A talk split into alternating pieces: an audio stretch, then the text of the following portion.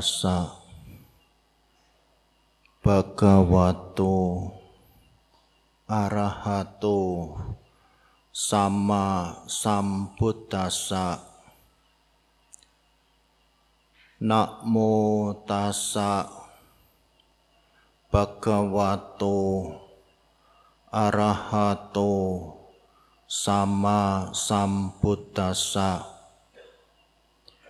Namo tassa Bhagavato Arahato Sama Sambuddhasa Idang tukang Arya Sacang Idang tukang Samudayo Arya Sacang Idang tukang Niroda Arya Sacang. Idang tukang Niroda Gamini Patipada Arya Sacanti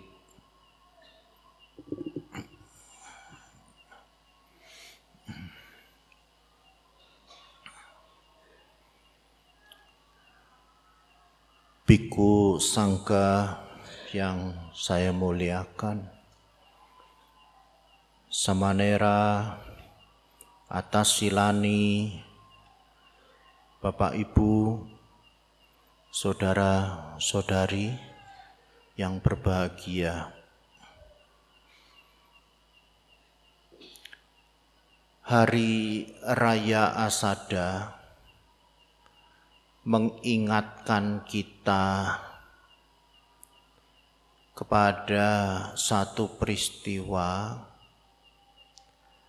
saat pertama kali Guru Agung Buddha Gotama membabarkan atau mengajarkan ajaran beliau.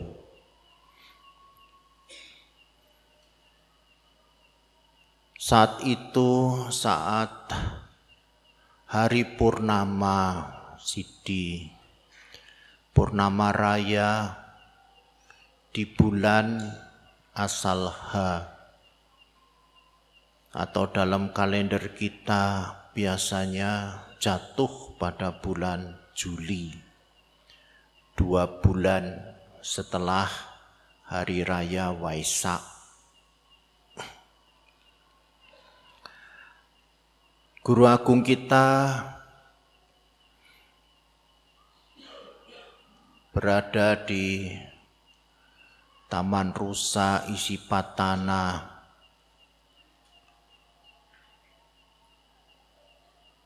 dan pada saat itu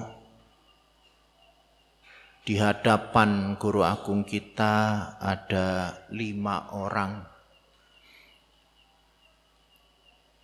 Biku murid pertama dari guru agung kita yaitu yang Arya Anyakondanya, yang Arya Wapa, yang Arya Mahanama, yang Arya Badia, dan yang Arya Asaji.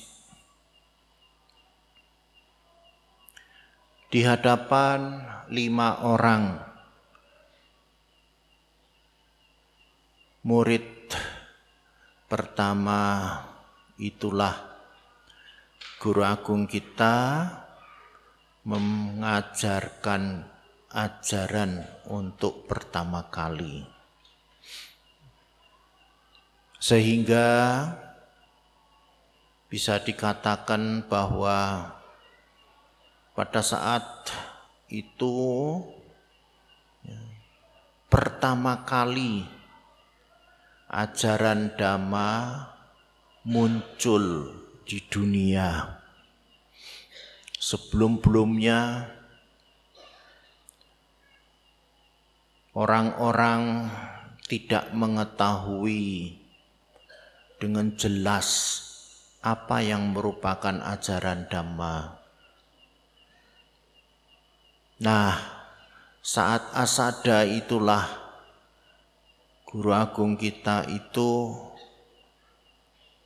memunculkan, mengadakan, menampakkan, menjelaskan ajaran dhamma itu. Sehingga bisa dikatakan bahwa hari raya Asada ini juga merupakan hari Dhamma hari kelahiran Dhamma, munculnya Dhamma di dunia ini. Setelah kurun waktu lama sekali, Dhamma itu tidak dikenal oleh banyak orang.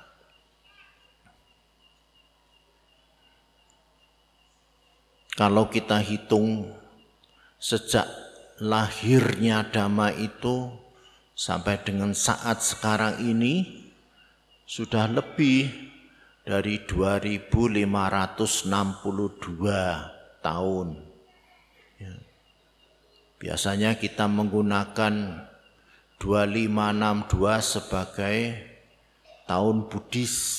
Ya. Padahal sebenarnya kalau kita hitung munculnya dhamma pertama kali sampai dengan saat ini lebih dari 2562. Karena kita 2562 itu dihitung sejak guru agung kita meninggal dunia. Jadi beliau mengajarkan dhamma sebelum meninggal dunia itu selama 45 tahun. Makanya kalau dihitung lahirnya dhamma, munculnya dhamma pertama kali sampai saat sekarang itu 2562 ditambah 45 tahun. Jadi sudah 2607 tahun. Cukup lama Bapak Ibu sekalian, bahkan sangat lama. Ya, 26 abad yang lampau. Ya, agama Buddha ini muncul. Tetapi kok bisa masih bertahan sampai sekarang ini? Itu Bapak Ibu semua. Ya.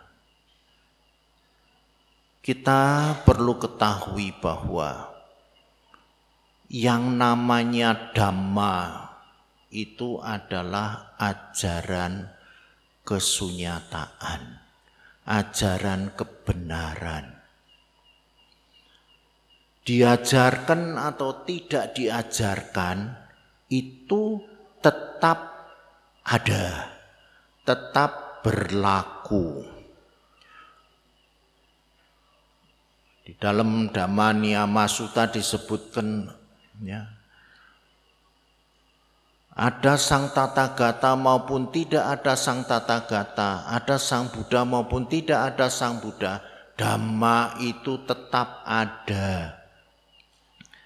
Ajaran kesunyataan, ajaran kebenaran itu tetap ada. Orangnya boleh tidak tahu karena memang tidak mengerti, bisa saja. Tetapi apa yang ada di dalam dhamma itu berlaku buat siapa saja. Apa yang ada di dalam ajaran dhamma itu berlaku buat siapa saja. Tidak tergantung orangnya siapa. Orangnya mengerti, tidak mengerti. Orangnya itu punya pandangan keliru, ya, tidak sesuai dhamma misalnya, ataupun orangnya tahu dhamma, tidak masalah. Dhamma ini tetap berlaku buat setiap orang. Itu yang namanya dhamma, ajaran kesunyataan, ajaran kebenaran ya yang berlaku bagi siapa saja. Nanti saya akan jelaskan ya. Damai yang bagaimana Bante? Ya itu nanti setelah ini. Dan damai ini Bapak Ibu semua juga tidak tergantung pada waktu. Waktu dulu, zaman dulu sekali, zaman sangat dulu sekali, dengan zaman sekarang dan zaman yang akan datang. Dhamma itu tidak tergantung waktu, tetap berlaku. Ya, tetap terjadi.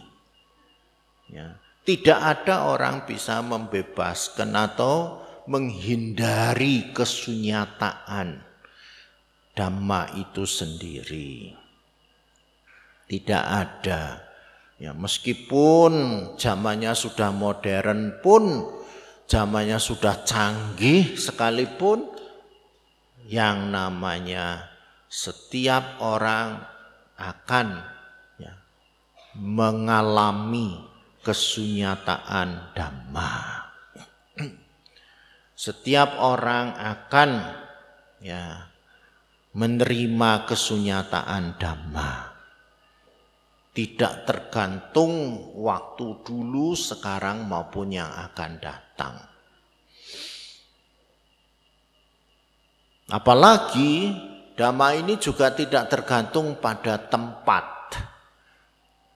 Tempat di sini, tempat di mana pun juga itu juga ya, berlaku dhamma berlaku hukum-hukum dhamma, berlaku apa yang Sang Buddha ajarkan. Nah, itulah yang dikatakan bahwa dhamma itu universal. Tidak tergantung orangnya, tidak tergantung waktunya, tidak tergantung tempatnya, keadaannya, ya dhamma ini akan tetap berlaku. Ya. Ya beruntunglah sekarang kita semua masih menjadi umat-umat pengikut dhamma. Ya, umat Buddha. Ya beruntung. Berarti kita masih bisa belajar dhamma, masih bisa tahu dhamma, ya, masih bisa ngomong kendama ya, ya beruntunglah ya jadi kita tahu. Tapi kalau misalnya tidak ada umatnya pun dhamma ya tetap berlangsung tetap berlaku. Ya dhamma ajaran kebenaran apa yang sebenarnya terjadi di dalam kehidupan ini itu akan tetap berlangsung. Nah, Bapak Ibu Saudara, makanya ya kita semua sekarang mengikuti ajaran dhamma yang diajarkan oleh guru agung kita, Sang Buddha Gautama. Yang suatu saat ya umat-umat pengikut Buddha Gautama ini akan berkurang, berkurang, berkurang, berkurang. Ya. Lalu bagaimana? ya udah ya bisa dikatakan tidak ada lagi ya umat-umat pengikut Buddha Gotama ini. Tetapi akan datang, akan muncul Buddha yang akan datang. Ya. Sang Buddha yang akan datang akan mengajarkan dhamma juga sama seperti yang diajarkan oleh dhamma yang diajarkan Buddha Gotama ini. Ya. Itulah ya. Jadi dhamma ini ya sama diajarkan oleh Buddha siapa pun juga sama. Ajaran kebenaran, ajaran kesunyatan itu diajarkan oleh Sang Buddha siapa saja juga sebenarnya isinya sama. Nah, Bapak Ibu, Saudara sekalian, ya. Mari kita lihat ya apa sebenarnya yang merupakan dhamma itu, ajaran kebenaran, ajaran kesunyataan itu.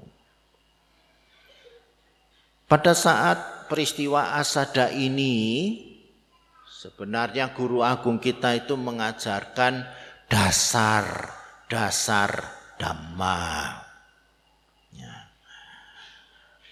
Atau sering kali juga orang mengatakan mengajarkan awal mulanya dhamma. Mulo bukonya dhamma. Awal mulanya ajaran beliau yang disebut sebagai dharma atau dhamma yang sebagai kebenaran. Inilah yang diajarkan pada saat khotbah pertama. Khotbah pertama itu disebut Dhamma Caka Pawatana Suta. Khotbah pemutaran roda dhamma.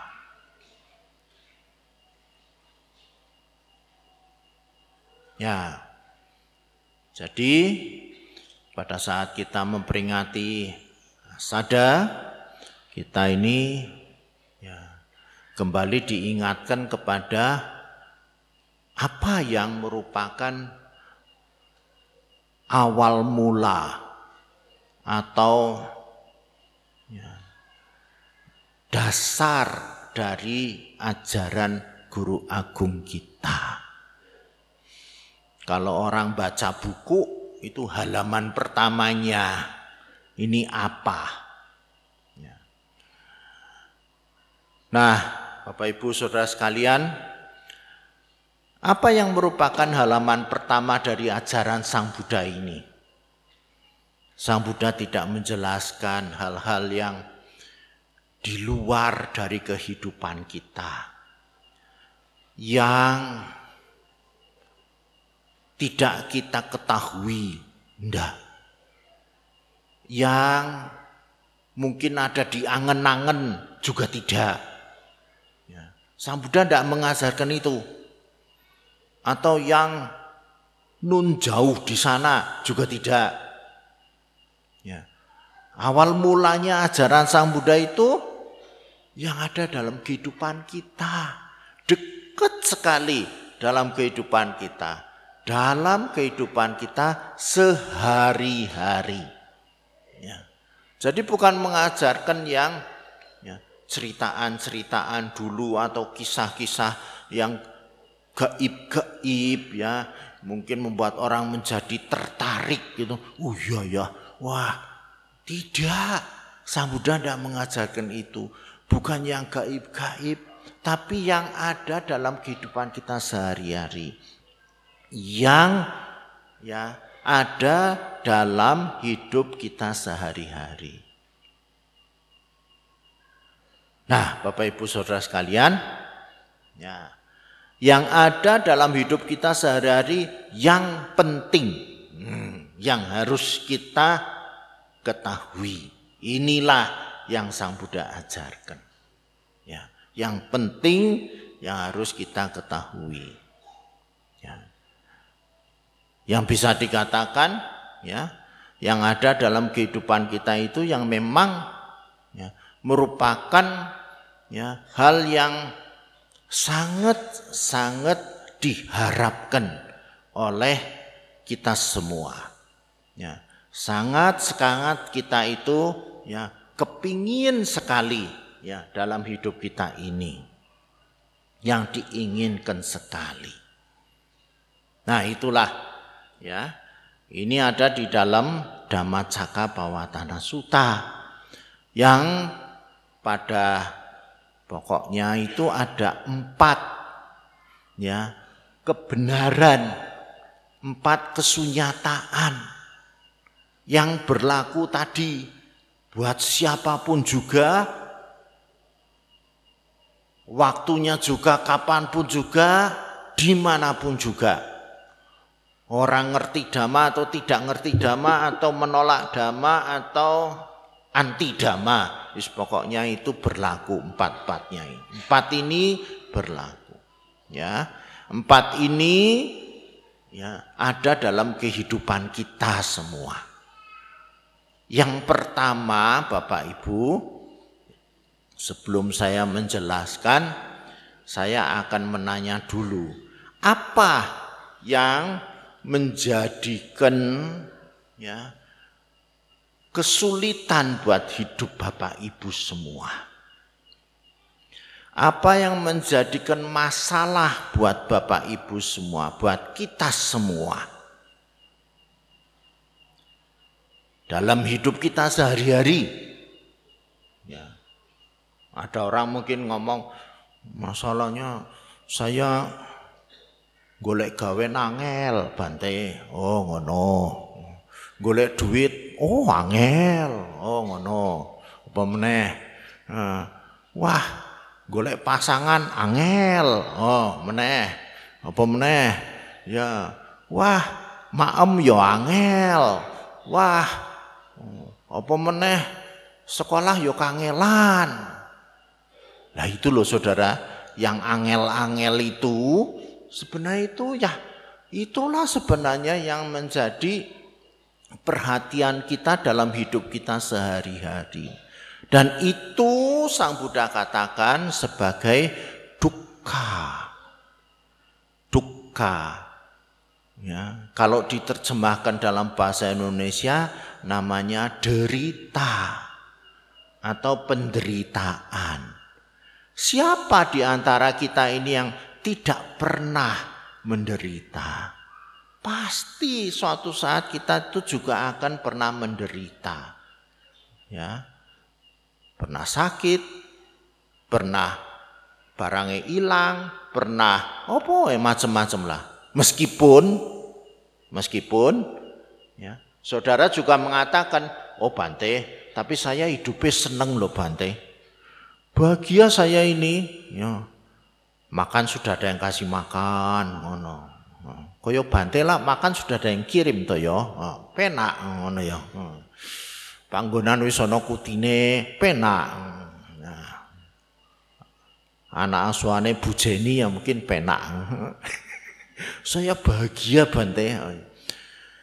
Urusan bahagia Bapak Ibu memang dalam hidup kita itu ya kita ada penderitaan, ada bahagianya juga pasti kita juga akan mengalami kebahagiaan-kebahagiaan itu.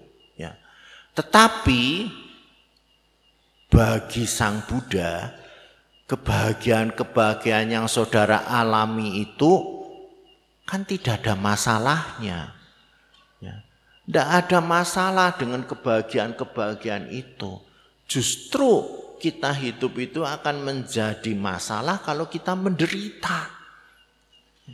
Orang bahagia itulah, sekarang kono lah bahagia.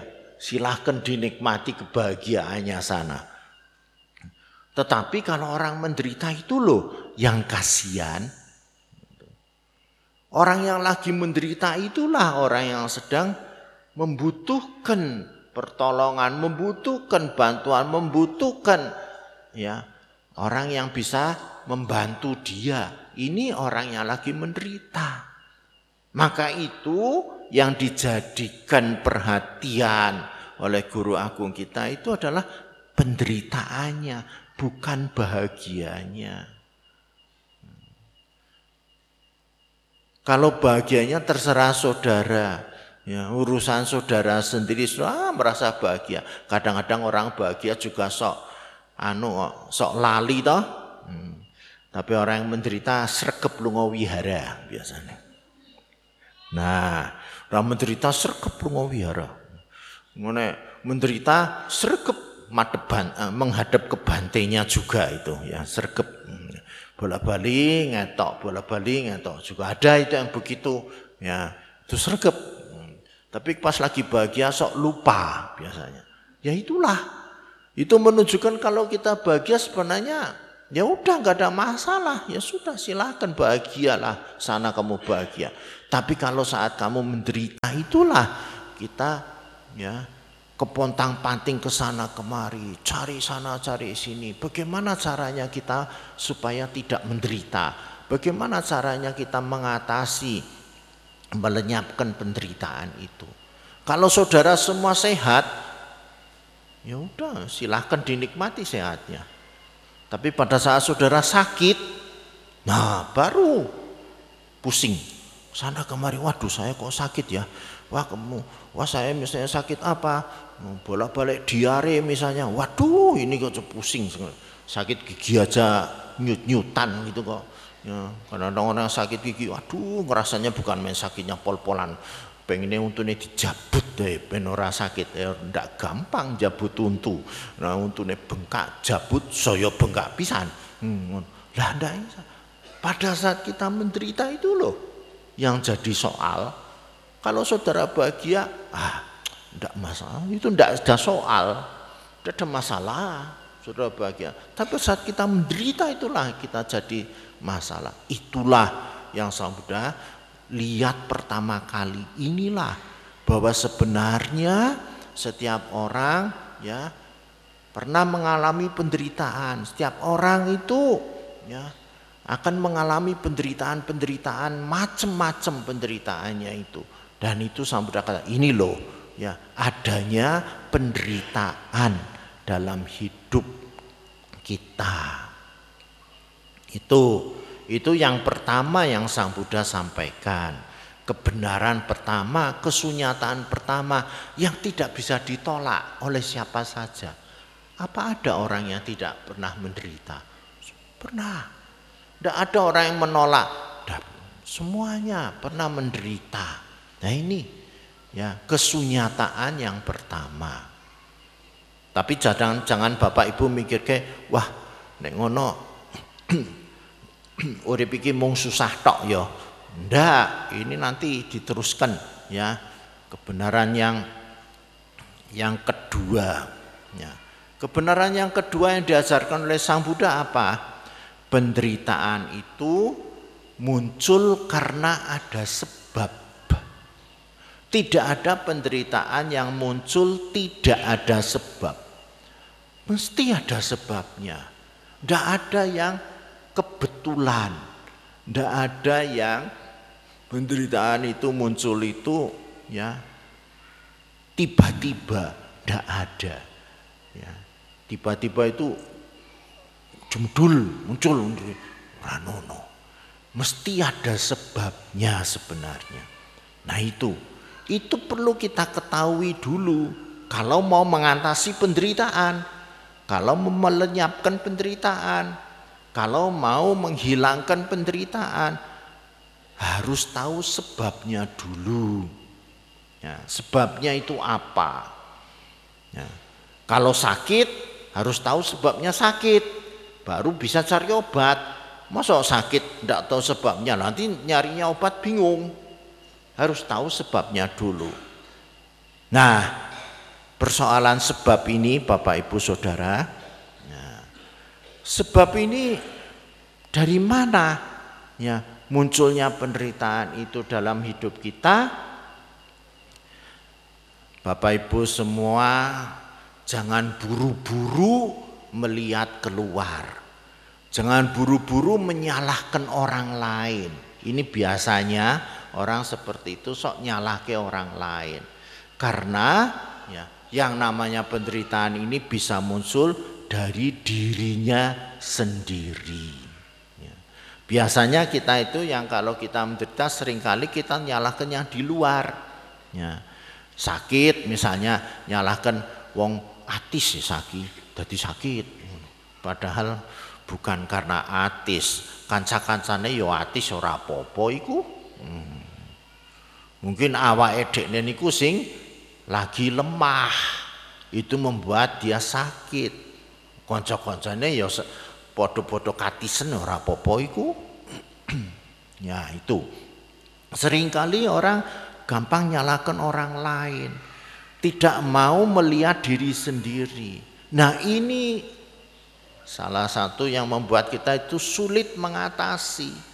Jadi maunya apa? Ngatasinya itu, ngilangkan penderitaan itu ngobai yang di luar ngobahi orang lain supaya oh, ndak sakit bagaimana sup, apa ndak katisen gitu. Jadi modelnya itu mau ngobahi yang di luar ya. Tidak mau memperhatikan dirinya sendiri. Ya, kalau supaya tidak katisan ambo awake nganggo selimut. Sing kandel banget ora katisen. Nah Nah itu memperhatikan dirinya sendiri, ndelok awake dekne dhewe. Ya ndelok kita sendiri dulu sebelum kita melihat yang di luar. Nah, kenapa itu seperti itu? Yaitu supaya kita bisa menyelesaikan, bisa ngatasi penderitaan itu. Jangan sampai kita itu ya malah kesulitan untuk ngatasi penderitaan kesulitan untuk melenyapkan penderitaan. Karena apa? Kita pikirannya orang lain yang bikin kita susah. Ya. Kalau tidak lulus sekolah, yang disalahkan dosene.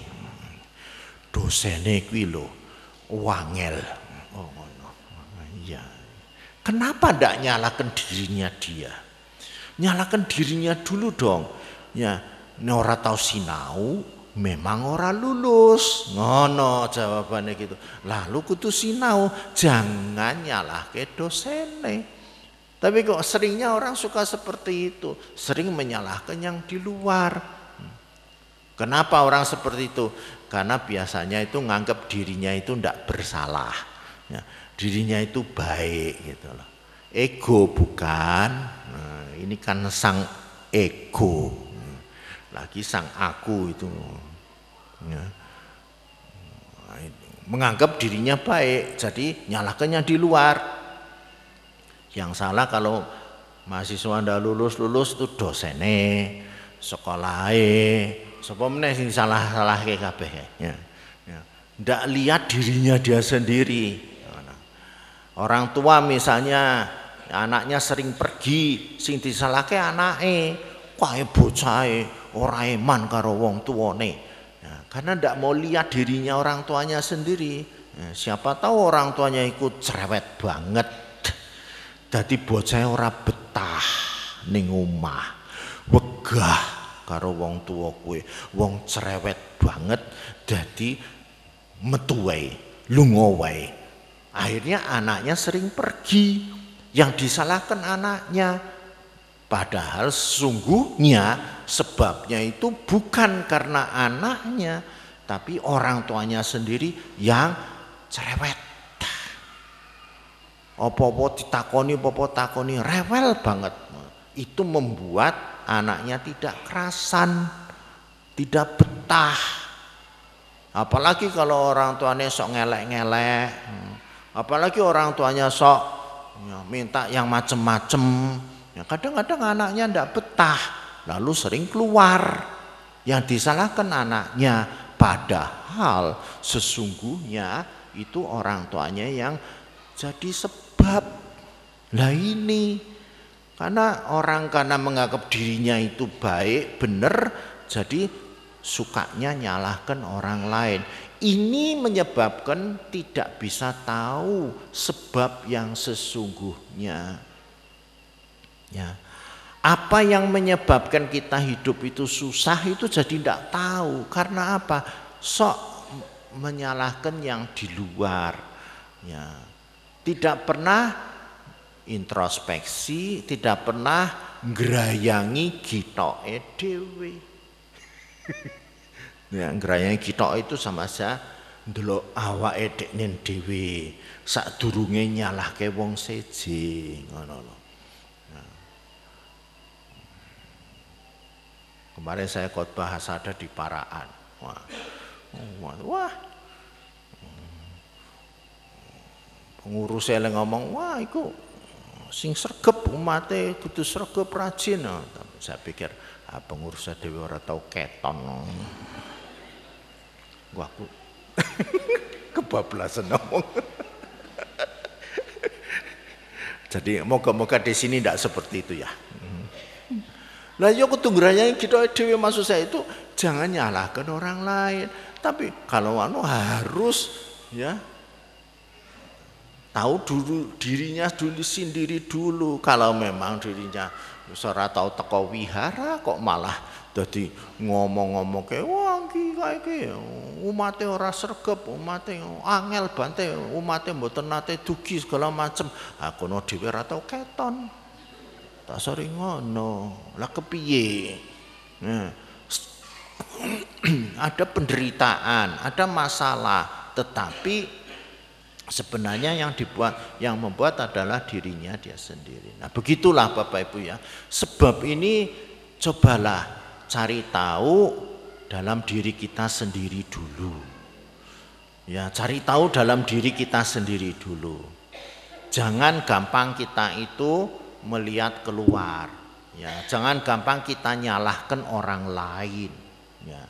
Meskipun bisa saja sebab ini ya dibuat dari di luar kita bisa saja contohnya kalau kita naik kendaraan naik mobil toh sudah sedih sebelah kiri ngikuti rambu-rambu lalu lintas eh ada kendaraan lain yang ngebut bablas nabrak mobil kita lah mobil kita ditabrak oleh kendaraan orang lain itu berarti ya memang sebabnya orang lain yang teledor, yang yang tidak hati-hati, yang nabrak mobil kita. Ya memang ada yang seperti itu, ya. Sebab yang eh, dari luar juga ada. Tetapi saya mengingatkan ya sebab yang harus kita ketahui itu dalam diri kita sendiri dulu. Ya kalau kita memang ya menderita ya cobalah kita ketahui sebabnya dalam diri kita sendiri. Kalau kita sakit ya tahulah oh ya saya sakit ini sebabnya apa ya? Oh mungkin kurang istirahat. Oh mungkin terlalu banyak ke sana kemari itu menyebabkan saya jadi sakit. Ya kalau begitu ya bagaimana ya supaya saya bisa mengatasi sakit itu? Nah gitulah ya. Nah itu yang kedua itu kebenaran kesunyatan tentang sebab ya Ya, kenapa ini Sang Buddha sampaikan? Karena memang ya, kalau kita mau mengatasi melenyapkan penderitaan itu kita butuh tahu sebabnya itu dulu. Ya, butuh tahu itu. Setelah tahu, lah nanti kesunyatan yang ketiga, kebenaran ketiga itu lenyapnya penderitaan.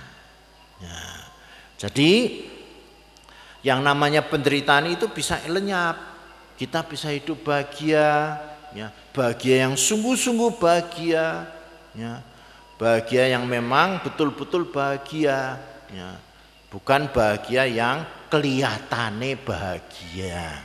Kadang-kadang ada yang seperti itu toh, kelihatannya bahagia tapi sebenarnya hidupnya susah, gitu. Tapi ini yang betul-betul bahagia, ya. Ini pun ya sebenarnya tergantung diri kita tergantung diri kita.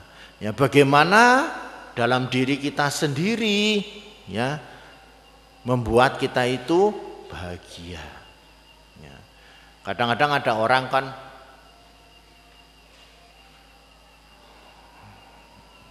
sok sawang sinawang itu loh saudara. Dan delok wong sisi, wong kok uripe kaya ngono ya, apa ora susah ngono.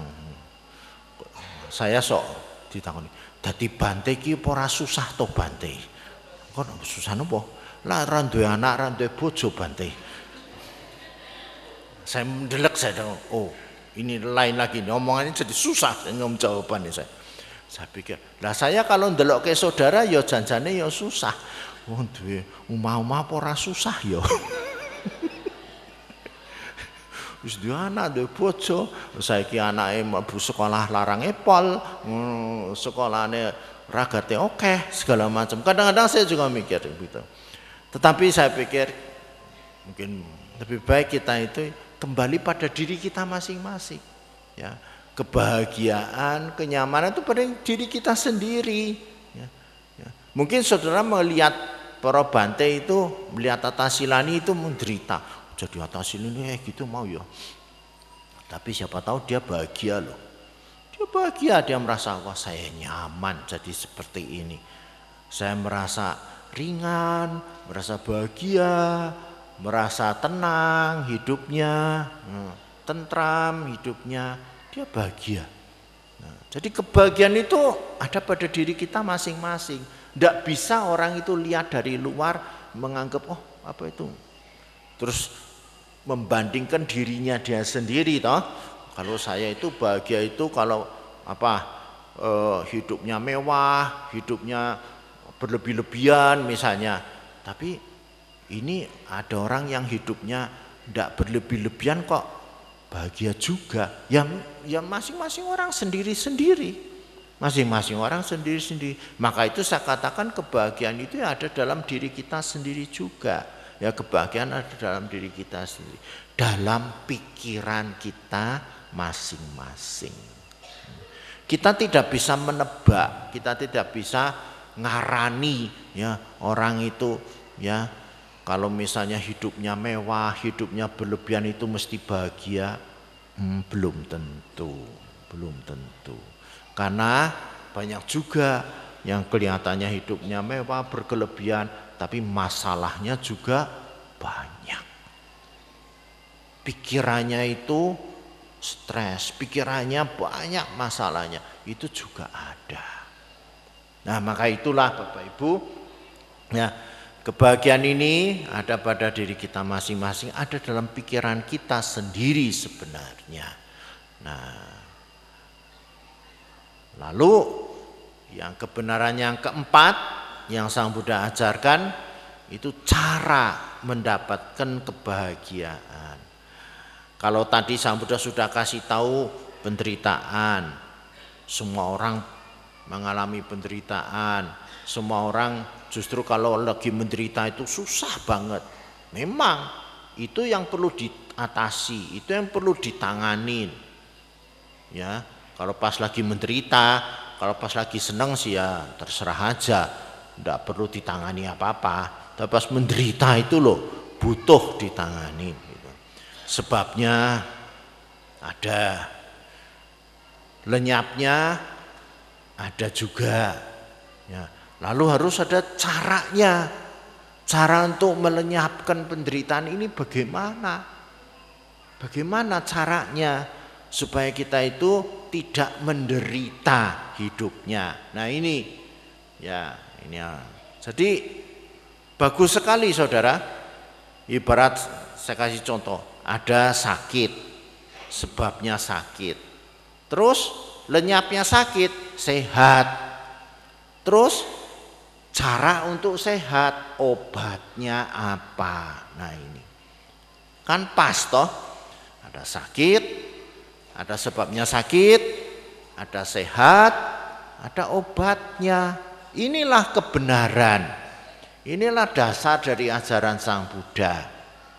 Nah, ada sakit, ada sebab sakit, ada sehat, dan ada cara untuk supaya jadi sehat. Semua orang kepingin sehat, semua orang kepingin bahagia, jelas. Semua orang pengen bahagia. Nah, tapi caranya untuk mendapatkan kebahagiaan ini bagaimana? Caranya, obatnya itu apa supaya kita itu bisa sehat? Nah, ini yang perlu kita ketahui, perlu kita minum. Jangan mung tahu tok, nek tahu tok obatnya dipentelengi ngono ya. Ya ora mari-mari. Hmm ngobate digawa ronarene ronarene iki lho obat nomor siji manjur iki. Hmm, tapi ora tau diombe. Dadi ya terus ana wae penyakite. Wong ora tau ngombe obate. Hmm, obate diombe supaya ya iso mari supaya seso sehat. Begitulah ya hidup ini. Yang per, obatnya itu sebenarnya delapan. Ya jadi ini seperti apa namanya jamu ya gampangnya contoh. Itu ada delapan macam ya, ya delapan macam eh, apa jajatnya itu ya. Mungkin kalau saya tidak pinter ngeracik jamu ya kalau ada yang ngeracik jamu mungkin bisa tahu ya. Jamu pegelinu itu apa saja. eh, apa apa apa apa itu jadikan satu. Ya nah ini. Nah jamu untuk supaya kita bisa sehat menurut ajaran Sang Buddha ada delapan macam ya. Yang itu diracik dicampur jadi satu. Ya campur jadi satu. Nah, delapan macam itu saudara terdiri dari pengertian benar ya pikiran benar, ucapan benar, tumindak benar, golek duit sing bener, semangat benar, konsentrasi benar, perhatian benar. Delapan. Ya. Kalau saudara mahasiswa setap ya suka ngapal ke tapi mergo bukan mahasiswa orang ya apal boleh ndak apal boleh ngono ya.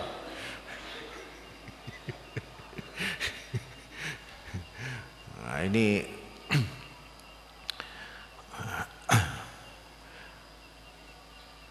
pengertian benar ya sama pikiran benar Ya, pengertian sama pikiran ini digabung namanya kebijaksanaan. Ya, kebijaksanaan. Apa yang dimaksud dengan pengertian dan pikiran yang benar itu? Artinya begini, kita itu ya supaya punya pengertian atau ya kita punya pandangan ya pandangan hidup ya yang benar jangan sampai ikut pandangan hidup yang keliru. Apa ada Bante? Ada pandangan hidup yang keliru. Ya. Pandangan hidup yang keliru itu biasanya apa? Pandangan hidup yang sebenarnya bukan menjadikan kita itu bahagia tapi kita menjadi menderita. Ya. Pandangan hidup yang keliru itu contohnya apa, Bante? Contohnya yang terakhir itu kerajaan ubur-ubur itu, saudara. Yang ngerti belum tahu, kalau belum tahu ya nanti delok ning koran kae lah. Nang saya jelaskan di sini kok angel, suwen.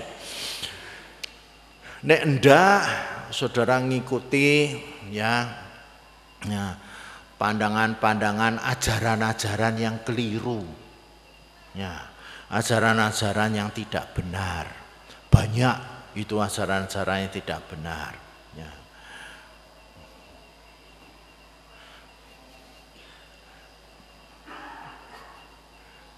Nanti tidak kepenak saya itu. Pokoknya ajarannya tidak benar oke. Pokoknya. Mau jujur penak aku. Soalnya tahu sendirilah ajaran yang tidak benar itu macam-macam ya macam-macam ajaran tidak benar semua. Ajaran sing akeh yes ya pengen sugih ngingu tuyul ngono. Ki termasuk kuwi ya. Ngingu tuyul pengen sugih ngingu jaran ngepet ngono. Iki ajaran tidak benar ojo melu-melu. Nanti saudara pengen sugih ngingu tuyul. Ah payah. Hmm. nah itu ajaran-ajaran. Itu pengertiannya itu tidak benar itu pengertiannya tidak benar itu seperti itu. Kalau saudara ragu-ragu, ya ragu-ragu diajai teman supaya begini-begini, tanya Bante saja. Yang sering datang sini tanya Bante Cata atau Bante Damiko, eh, Damamito atau dia Bante siapa? Bante, kalau ajaran kayak gitu itu ajaran benar apa tidak ya? Sesuai dhamma apa tidak ya? Nanti bantenya mesti bisa jawab. Mesti bisa jawab. Pasti bantenya ngomong benar atau tidak mesti bantainya tahu. Ya itu itu itu nomor itu satu. Karena kalau kita begitu ikut ajaran kayak gitu ajaran yang tidak benar susah saudara. Semuanya salah KB semuanya KB orang, orang keruan. Itu yang pertama makanya disebut pandangan benar itu nomor satu karena ini yang menentukan sekali. Kalau kita punya pandangan ajaran kita itu salah, nanti ke bawahnya pikirannya, ucapannya, eh opo wae keliru kabeh. Orang nono sing bener. Ngono loh. Ya. Jadi pertama itu pandangan benar ajarannya itu loh harus yang waras dulu, yang benar dulu. Ya. Nomor dua pikiran. Ya. Kalau orang sudah punya ajaran yang dipegang itu yang baik, yang benar itu, nanti orang itu akan punya pikiran yang benar juga. Carane mikir itu benar. Jadi dia punya pikiran itu sing sesuai dengan ajarannya itu. Tapi kalau ajarannya itu sudah salah, itu pikirannya nanti jadi salah. Caranya mikir itu salah. Ya. Kalau tadi saya katakan ya saya sudah pakai contoh tadi misalnya pengen suki golek tuyul ngono ya. Itu pikirannya itu mesti golek tuyul, golek tuyul, golek tuyul. Apa-apa tuyul, tuyul, tuyul, tuyul. Terus apa wae pokoknya tuyul ngono. Jadi ini pikirannya kuwi wae sing salah. Itu karena orang pikirannya eh, ajaran pandangannya udah salah, jadinya pikirannya salah. Ya ini sebenarnya bisa saudara cermati juga ya. Kalau kita sudah punya pandangan yang salah, pasti nanti pikirannya jadi salah semua. Gitu ya. Anak sekolah itu saya juga sering mahasiswa sih. Pikiran pandangannya itu ah gampang sekolah. Sing penting atau ijazah. Itu pandangan seperti itu membuat pikirannya itu nyepeleke. Saya nggak sok teke. Iki mahasiswa sok nyepeleke nyepeleke nanti. Jadi tidak sungguh-sungguh, tidak serius karena dia itu pandangannya sudah salah. Ya. Pandangannya sudah salah. Apalagi kalau dosennya itu dilihat dengan salah juga. Dianggapnya dosen ini anu kok apian. Apiannya tanda petik. Ya Api aneh apa? Iso dikompromi. Tapi jangan pengen kompromi sama saya nanti tidak ketemu saya. Ini mahasiswa tetap soalnya. ah, dosennya iso kompromi. Lalu apa? Karena pandangannya sudah seperti itu, pikirannya apa? Gampang ke. Gampang ke. Itu saya cermati, saya amati. Dosen yang gampang dikompromi, gampang di Islah gampangan lah. Itu nanti mahasiswanya apa? Santai sekali. Dia lalu beker, ah gampang sekali menganggap remeh, menganggap enteng dosennya itu. Sudah, karena itu pandangannya sudah tidak benar. Ya, pandangan. Lain hal kalau orangnya itu punya pandangan, oh dosen ini disiplin, dosen ini tenanan, le ngajar. Biasanya pikirannya jadi apa? pikirannya disungguh-sungguh serius. Soalnya dosennya tenanan iki le ngajar. Guru iki tenanan le ngajar, dudu dolanan. Itu akan serius dia akan belajar dengan sungguh-sungguh, tidak main-main. Tapi kalau apa anak-anak itu punya pandangan itu bahwa gurunya itu ya cuman kayak gitu gurunya main-main ngajarnya juga ah, asal-asalan ngajar ngentekke waktu sing penting nek wis barbel melayu Bali ngono ya sudah. Karena pandangannya sudah tidak benar pikirannya juga tidak benar yaitu sama orang tua juga. Sama anak sama orang tua. Kalau anak memandang orang tua ya, orang tua itu misalnya orang tuanya jelek, orang tuanya jahat, itu nanti pikirannya anak itu mesti tidak bisa menghormat. Meskipun dia menghormat juga lamis-lamis, tahu lamis-lamis, pura-pura. Dia pura-pura aja. Ketemu, oh bu, pak. Tapi dalam hatinya, saya sama sekali tidak menghormat. Karena apa? Orang tua saya itu jelek, jahat. Pandangan menentukan pikiran. Ya, pandangan menentukan pikiran. Dari situ kemudian ucapan, tingkah laku, mata pencarian. Nah ini juga kalau kita mau bebas dari penderitaan, omongan kita, tumindak kita, ya itu memang ya kudu diatur. Ya. Kalau ndak mau dikendalikan, ndak mau diatur, ya itu bikin masalah omongan itu kan nyakitkan orang sakar PDW, belenjani, wis janji ora dituruti, ora ditepati, iku gawe susah wong. Lah bagaimana mau bisa mengatasi penderitaan? Bagaimana bisa kita tidak menderita? Lah wong ngomongannya orang genah. Pasti orang tidak percaya sama kita. Apalagi tumindak kita, tumindak elek-elek. Lah tambah masalah. Kita akan hidup menderita akhirnya. ya. Ini butuh ya sangat penting ini ya. Omongan tumindak itu jangan sampai kita itu omongannya membuat kita itu hidupnya menderita. Mau kita kan bebas dari penderitaan. Mau kita mengurangi penderitaan maka itu omongannya tumindak itu dijogo. Jangan sampai ya membuat orang lain menjadi susah atau diri kita sendiri jadi susah. Goro-goro omongannya dewe Goro-goro tumindake dekne dhewe itu kita jadi susah sendiri gitu loh. Nah, nah ini Bapak Ibu Saudara-saudara sekalian, ya banyak contohnya seperti ini ya.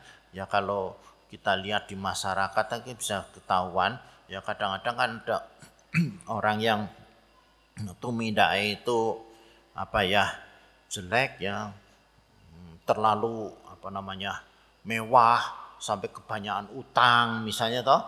Nah, ini nanti sibuk bayar utang ini ya. Bayar utang ini. Nah, ini menderita sendiri. Kenapa? Lah tumindaknya begitu ya. Kalau tumindaknya tidak terlalu mewah sebenarnya sih tidak usah harus utang-utang begitu gitu. Ya. Kalau tumindaknya tidak apa namanya tidak jor-joran juga tidak usah harus utang sebenarnya. Lalu dia menjadi menderita karena ditagih utang menerus-terus ya karena tumindake sing salah.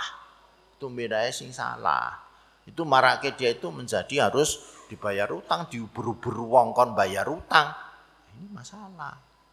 Ya, karena tumindake sing ora genah ngono. Nah, terus mata pencarian ini juga penting. Mata pencarian ini bisa membuat kita menjadi menderita. Ya karena kita mata pencarian ini salah. Contohnya apa? Dodolan-dodolan sing orang genah, dodolan narkoba, dodolan macam-macam, ya itu marake kita menjadi menderita. Ya, jualan barang yang apa namanya hasil pencurian atau hasil wah itu nanti jadi masalah juga. Ya nanti ini jadi masalah ini mata pencarian. Ya nah jadi itu yang tiga ini namanya sila.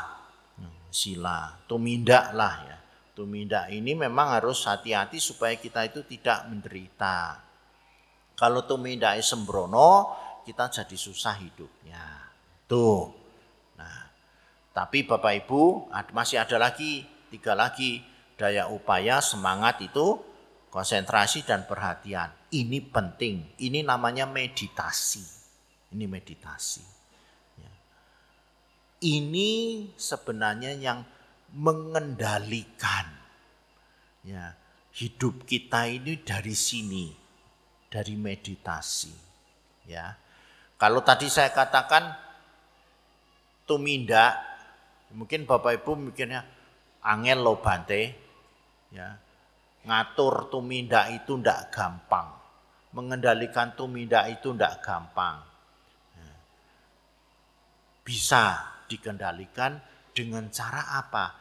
Dengan cara ngolah pikiran. Soalnya apa? Tuminda itu asalnya dari pikiran. Orang berbuat, orang berucap itu sumbernya dari pikiran. Pikiran ini yang menyebabkan orang berbuat dan orang berucap. Orang ngomong sama orang yang ngelakoni apa-apa ki saka pikirane. Ada orang yang ngomong begini, Bante, tapi saya kalau ngomong apa-apa refleks tidak sadar. Ceplos, ceplos. Nah itu minda ya ceplos, ceplos apa ya suara sadar. Kan itu bukan dari pikiran. Tidak, tidak. Itu tetap dari pikiran loh saudara. Mung pikiran itu cepat banget. Saudara tidak menyadari kesadarannya lemah.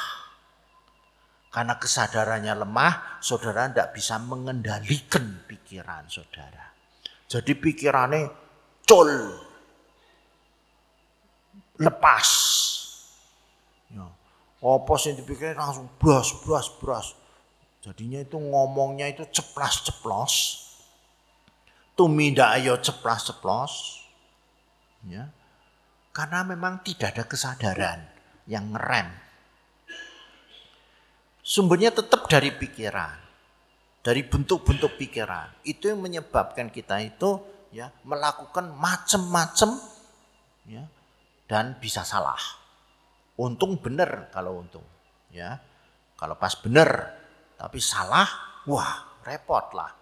Ya, ceplas-ceplos kitanya itu. Karena apa? Tidak punya kesadaran yang ngerem. Kalau orang punya kesadaran itu, orang tahu sebenarnya. Saya ini ngomong, apa sing tak omong ke? Ini kesadarannya ada. Tapi nek saya ngomong begini ini saya tidak tahu apa yang saya omongkan. Itu sama saja saya tidak sadar. Sudah. Itu sama saja saya ceplas-ceplos ngomong. itu tidak sadar. Itu nanti bisa salah omongan saya ini. Ya. Tapi kalau saya punya kesadaran, saya bisa ah, ngatur omongan saya. Gitu. Sama kalau Bapak Ibu semua punya kesadaran bisa ngatur omongannya. Tumindaknya juga bisa diatur juga. Ya, karena ada kesadaran. Kuncinya itu dalam kesadaran itu. Yang ngonangi itulah kesadaran. Jadi kalau kesadaran ki apa toh? Sing ngonangi. Yang weruh. Yang tahu. Itulah kesadaran. Ngonangi apa Bante? Ngonangi pas dong sak durunge omong. Bukan ngonangi sakwise omong loh ya. Sakwise omong ora kanggo. Sak durunge omong. Nek ngonangi sak durunge tumindak. Itu kesadaran. Ini perlu saya jelaskan sekali sana. Kesadaran ini yang ngonangi. Biasanya gimana Bante? Biasanya sing jenenge kesadaran ki ora nono, lemah banget. Koyo tenggelam ya, seperti mendep ke bawah, tidak muncul, tidak timbul. Jadi kesadaran itu lemah. Jadi apa? Karena tidak ada yang ngonangi, ceplas-ceplos. Omongan ceplas-ceplos, tumindak ceplas-ceplos, soalnya ranono sing ngonangi. Nah, Maka itu bagaimana Bante? Harus membuat yang ngonangi itu keluar. Muncul. Yang ngonangi itu harus dikeluarkan. Bagaimana mengeluarkan yang ngonangi? Kesadaran itu dikeluarkannya itu bagaimana? Dengan meditasi. Bawana. Bawana Buddhis, meditasi Buddhis itu memperkuat kesadaran supaya singonangi kui metu. Metu ning jeruk pikirane awake metu. Ojo sembunyi. Ya. Jangan sampai sembunyi jangan sampai tenggelam tapi keluar. Ya jangan umpetan kesadarannya itu tapi metu supaya beraktif aktif apa? Saat durung ngomong, oh ngerti. Saat durung itu minda, oh ngerti. Apa sing dilakoni. Sing arep dilakoni iki waras apa ora? Bener apa ora? Sing arep diomongke iki bener apa ora? Iku lho kesadarane ditokke. Itu pakai latihan bawana. Loh kok begitu Bante? Iya Bapak Ibu. Ya, bawana ini sebenarnya melatih kesadaran supaya kuat. Meditasi itu melatih kesadaran supaya kuat. Nah kalau tidak pakai meditasi bagaimana?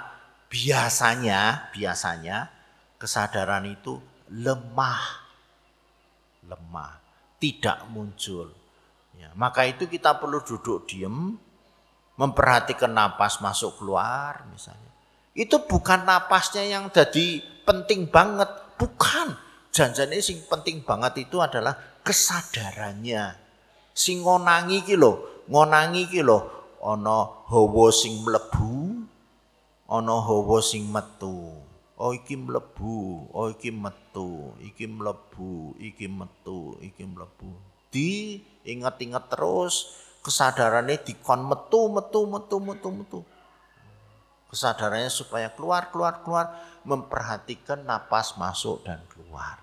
Konsentrasi dan perhatian di situ. Konsentrasi benar, perhatian benar. Dan semangat Ya, semangat itu artinya tekun, ulet. Ya, tekun, ulet. Orang hidup ini butuh semangat, butuh keuletan, ketekunan. Dalam pikiran kita ini harus selalu ada yang namanya berjuang, berjuang, berjuang, berusaha, berusaha, berusaha, berusaha. Itu semangat. Ya. Berusaha, berusaha, berusaha. Jadi nomor sisi Berjuang, berjuang, berjuang. Nah, berjuang kayak revolusi ya. Gua rapena aku. Gua kira parpol. Berusaha, berusaha, berusaha ngono loh. Yang dipikir saudara berusaha, berusaha, berusaha. Pokoknya berusaha, berusaha. Kudu ngupoyo, ngupoyo, ngupoyo. Jangan ngupoyo upo, tak. Ya, ngupoyo, ngupoyo, ngupoyo. Pokoknya ngupaya ngupaya, nomor siji pikir ngupaya. Aja sampai orang duwe upaya. Ngono. Ki jenenge semangat. Ya. Jangan sampai kita ah ngenteni diwenehi bante. Iku jenenge orang duwe semangat. ngenteni bante sing wenehi ah tapi aduh orang duwe semangat kuwi. Berusaha, berusaha Hmm. Perkara Bante mau kasih atau tidak, silahkan. Bante mau ngasih boleh, tidak ngasih, ora popo. Maju terus, berusaha. Kan begitu. Itu semangat. ya. Perkara kalau di dalam orang bisnis misalnya, ya, ya syukur kalau ada teman. Tidak ada teman, ayo usaha terus, usaha terus. Ya masalah ekonomi lagi kurang, sepi, ya wis yang penting usaha, usaha, usaha. Karena ndak bisa kita lalu ah wis lah tak ngenteni wae, ah wis lah sedakep wae lah, rasa usaha opo-opo. Itu tidak punya daya upaya. Daya upaya itu usaha dan usaha. Yang ada di pikiran itu selalu usaha. Usaha. Usaha, usaha, usaha. Jadi saya selalu usaha, usaha, usaha gitu. Apalagi kalau saudara masih muda-muda. Ya. Nek wis tuwek-tuwek ya beda. Mun sepuh-sepuh mbok menawi alah bante awake sedo lungkrah sedaya. Mangke nek usaha-usaha mangke saya lungkrah. Nggih pun, pun sepuh. Tapi nek tak segenem, usahalah, usahalah, usaha terus. Usaha itu namanya semangat. Yang di pikiran itu selalu berusaha. Ya, ya dalam pikiran itu selalu berusaha, ya, selalu berjuang, ya. Itu namanya orang punya semangat. Begitu. Ya. Ya. Jadi kalau supaya hidup itu ada semangatnya, ada gairahnya itu loh. Ya, berusaha bersemangat begitu. Orang membantu silahkan, tidak bantu ya jalan terus, tetap usaha, usaha, usaha. Usaha berbuat baik, orang membantu silahkan, tidak mau ya sudah bukan, silahkan aja. Terus usaha, usaha, itu namanya semangat. Ya, ini penting untuk melenyapkan penderitaan, ngatasi penderitaan. Ya, jadi ada delapan, tapi kalau diringkas itu bijaksana, ya sila eh, kebijaksanaan, sila, tuminda, sama samadhi, meditasi. Meditasi ini sangat penting karena apa? Itu mengolah pikiran kita supaya pikiran kita itu jadi sehat. Pikiran kita itu jadi semangat. Pikiran kita itu menjadi waspada. Ya. Pikiran kita itu menjadi punya kesadaran, tidak lupa, tidak lengah, ya. tidak kosong, tapi selalu punya kesadaran dan ya selalu punya semangat, semangat, semangat. Ya. Penting kok memang itu. Ini ada Asian Game toh. Pak Jokowi ngomong semangat, semangat, semangat. Bener. Jangan, ah wis lah, menang ya syukur. Orang menang orang popong. Nanti tidak dapat medali apa-apa. Nanti tidak dapat medali apa-apa kalau begitu itu. Semangat, semangat, semangat. Perkara dapat medali berapapun, tidak masalah. Yang penting semangat, semangat, semangat. Nah itu yang penting ya. Jadi supaya hidup ini ya semangat untuk mengatasi penderitaan juga ya jangan sampai hidup kita itu menjadi apa hancur karena kita tidak punya semangat ya nah itulah bapak ibu saudara sekalian ya jadi kalau kita menderita apa pun juga ya cobalah bapak ibu ya cari obat obatnya obat damai Obat damai yang kayak apa? Yang tadi saya jelaskan. Sekarang contoh. Pemene saudara sakit. Sakit badan. Gimana Bante kalau sakit badan? Harus tahu sebabnya. Sebabnya sakit apa. Terus, nah golek tombo. Nah, cari obat. Nah itu. Nah kalau sudah dapat obat, sehat, syukur. Kalau belum sehat, ditelateni sing sabar. Sabar, sabar, sabar. Nah, diobati terus, semangat le ngobati. Ngobati itu sila.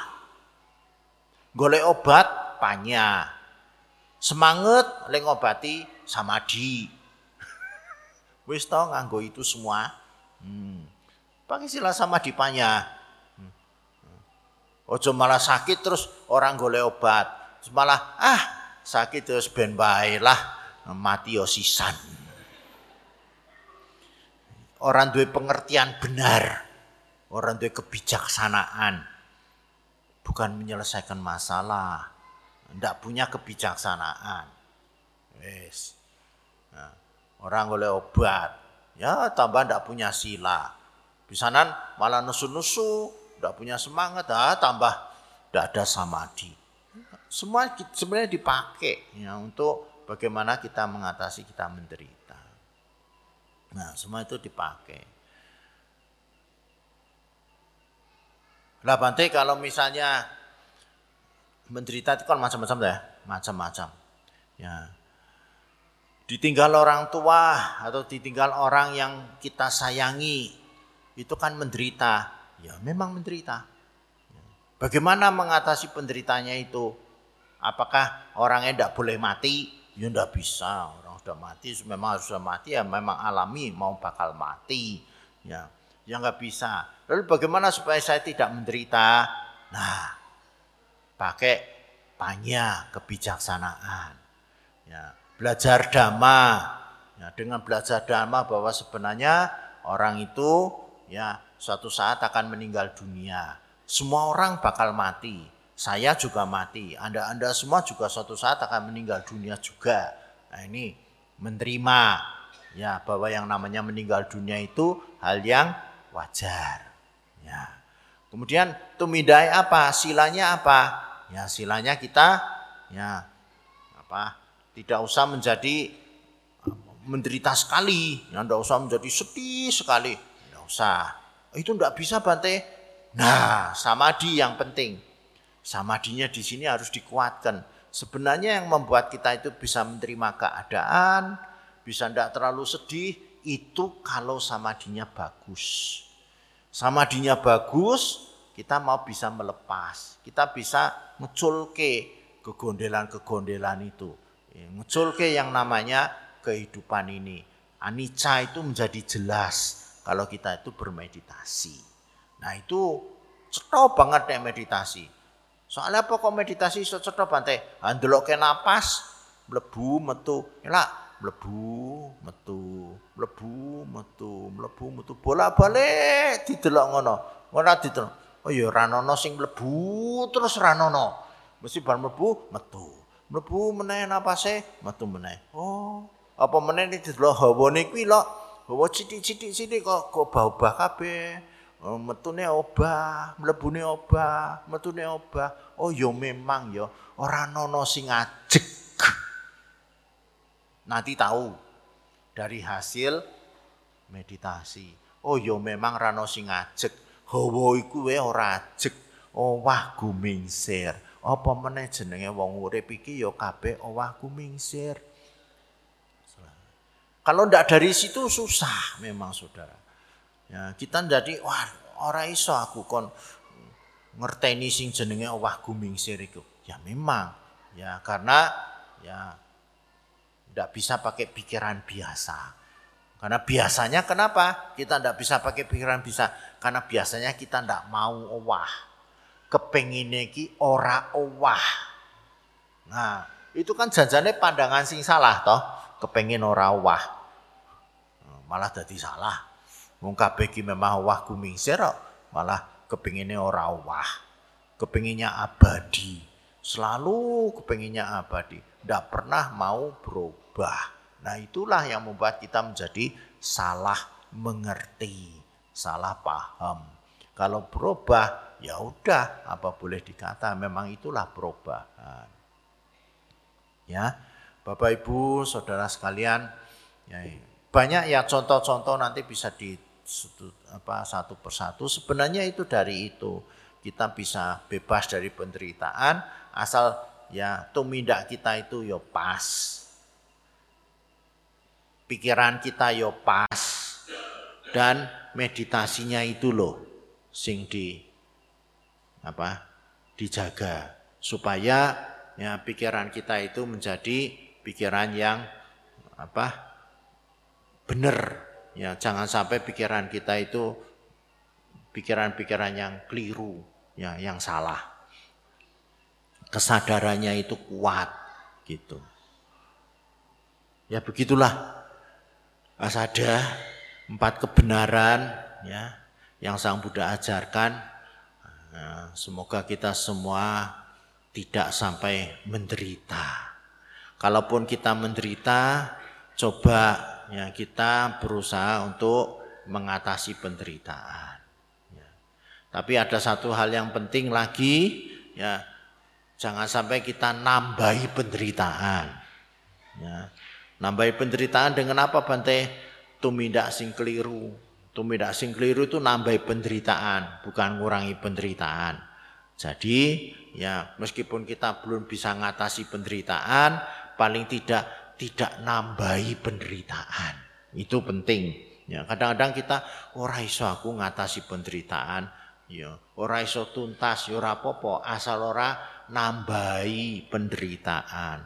Tumindak itu loh yang baik, tumindak yang sesuai dengan dhamma. Jangan sampai tumindak yang keliru, nanti marah kita itu jadi nambahi penderitaan. ya, paling seperti itu, ya.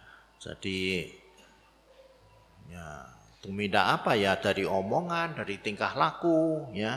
Jangan sampai yang salah-salah, yang jelek-jelek yaitu nambahi penderitaan. Bukan ngurangi penderitaan tapi nambahi penderitaan itu. Hidup kita tambah susah, tambah masalahnya banyak, ya kesulitannya banyak sekali. Ya.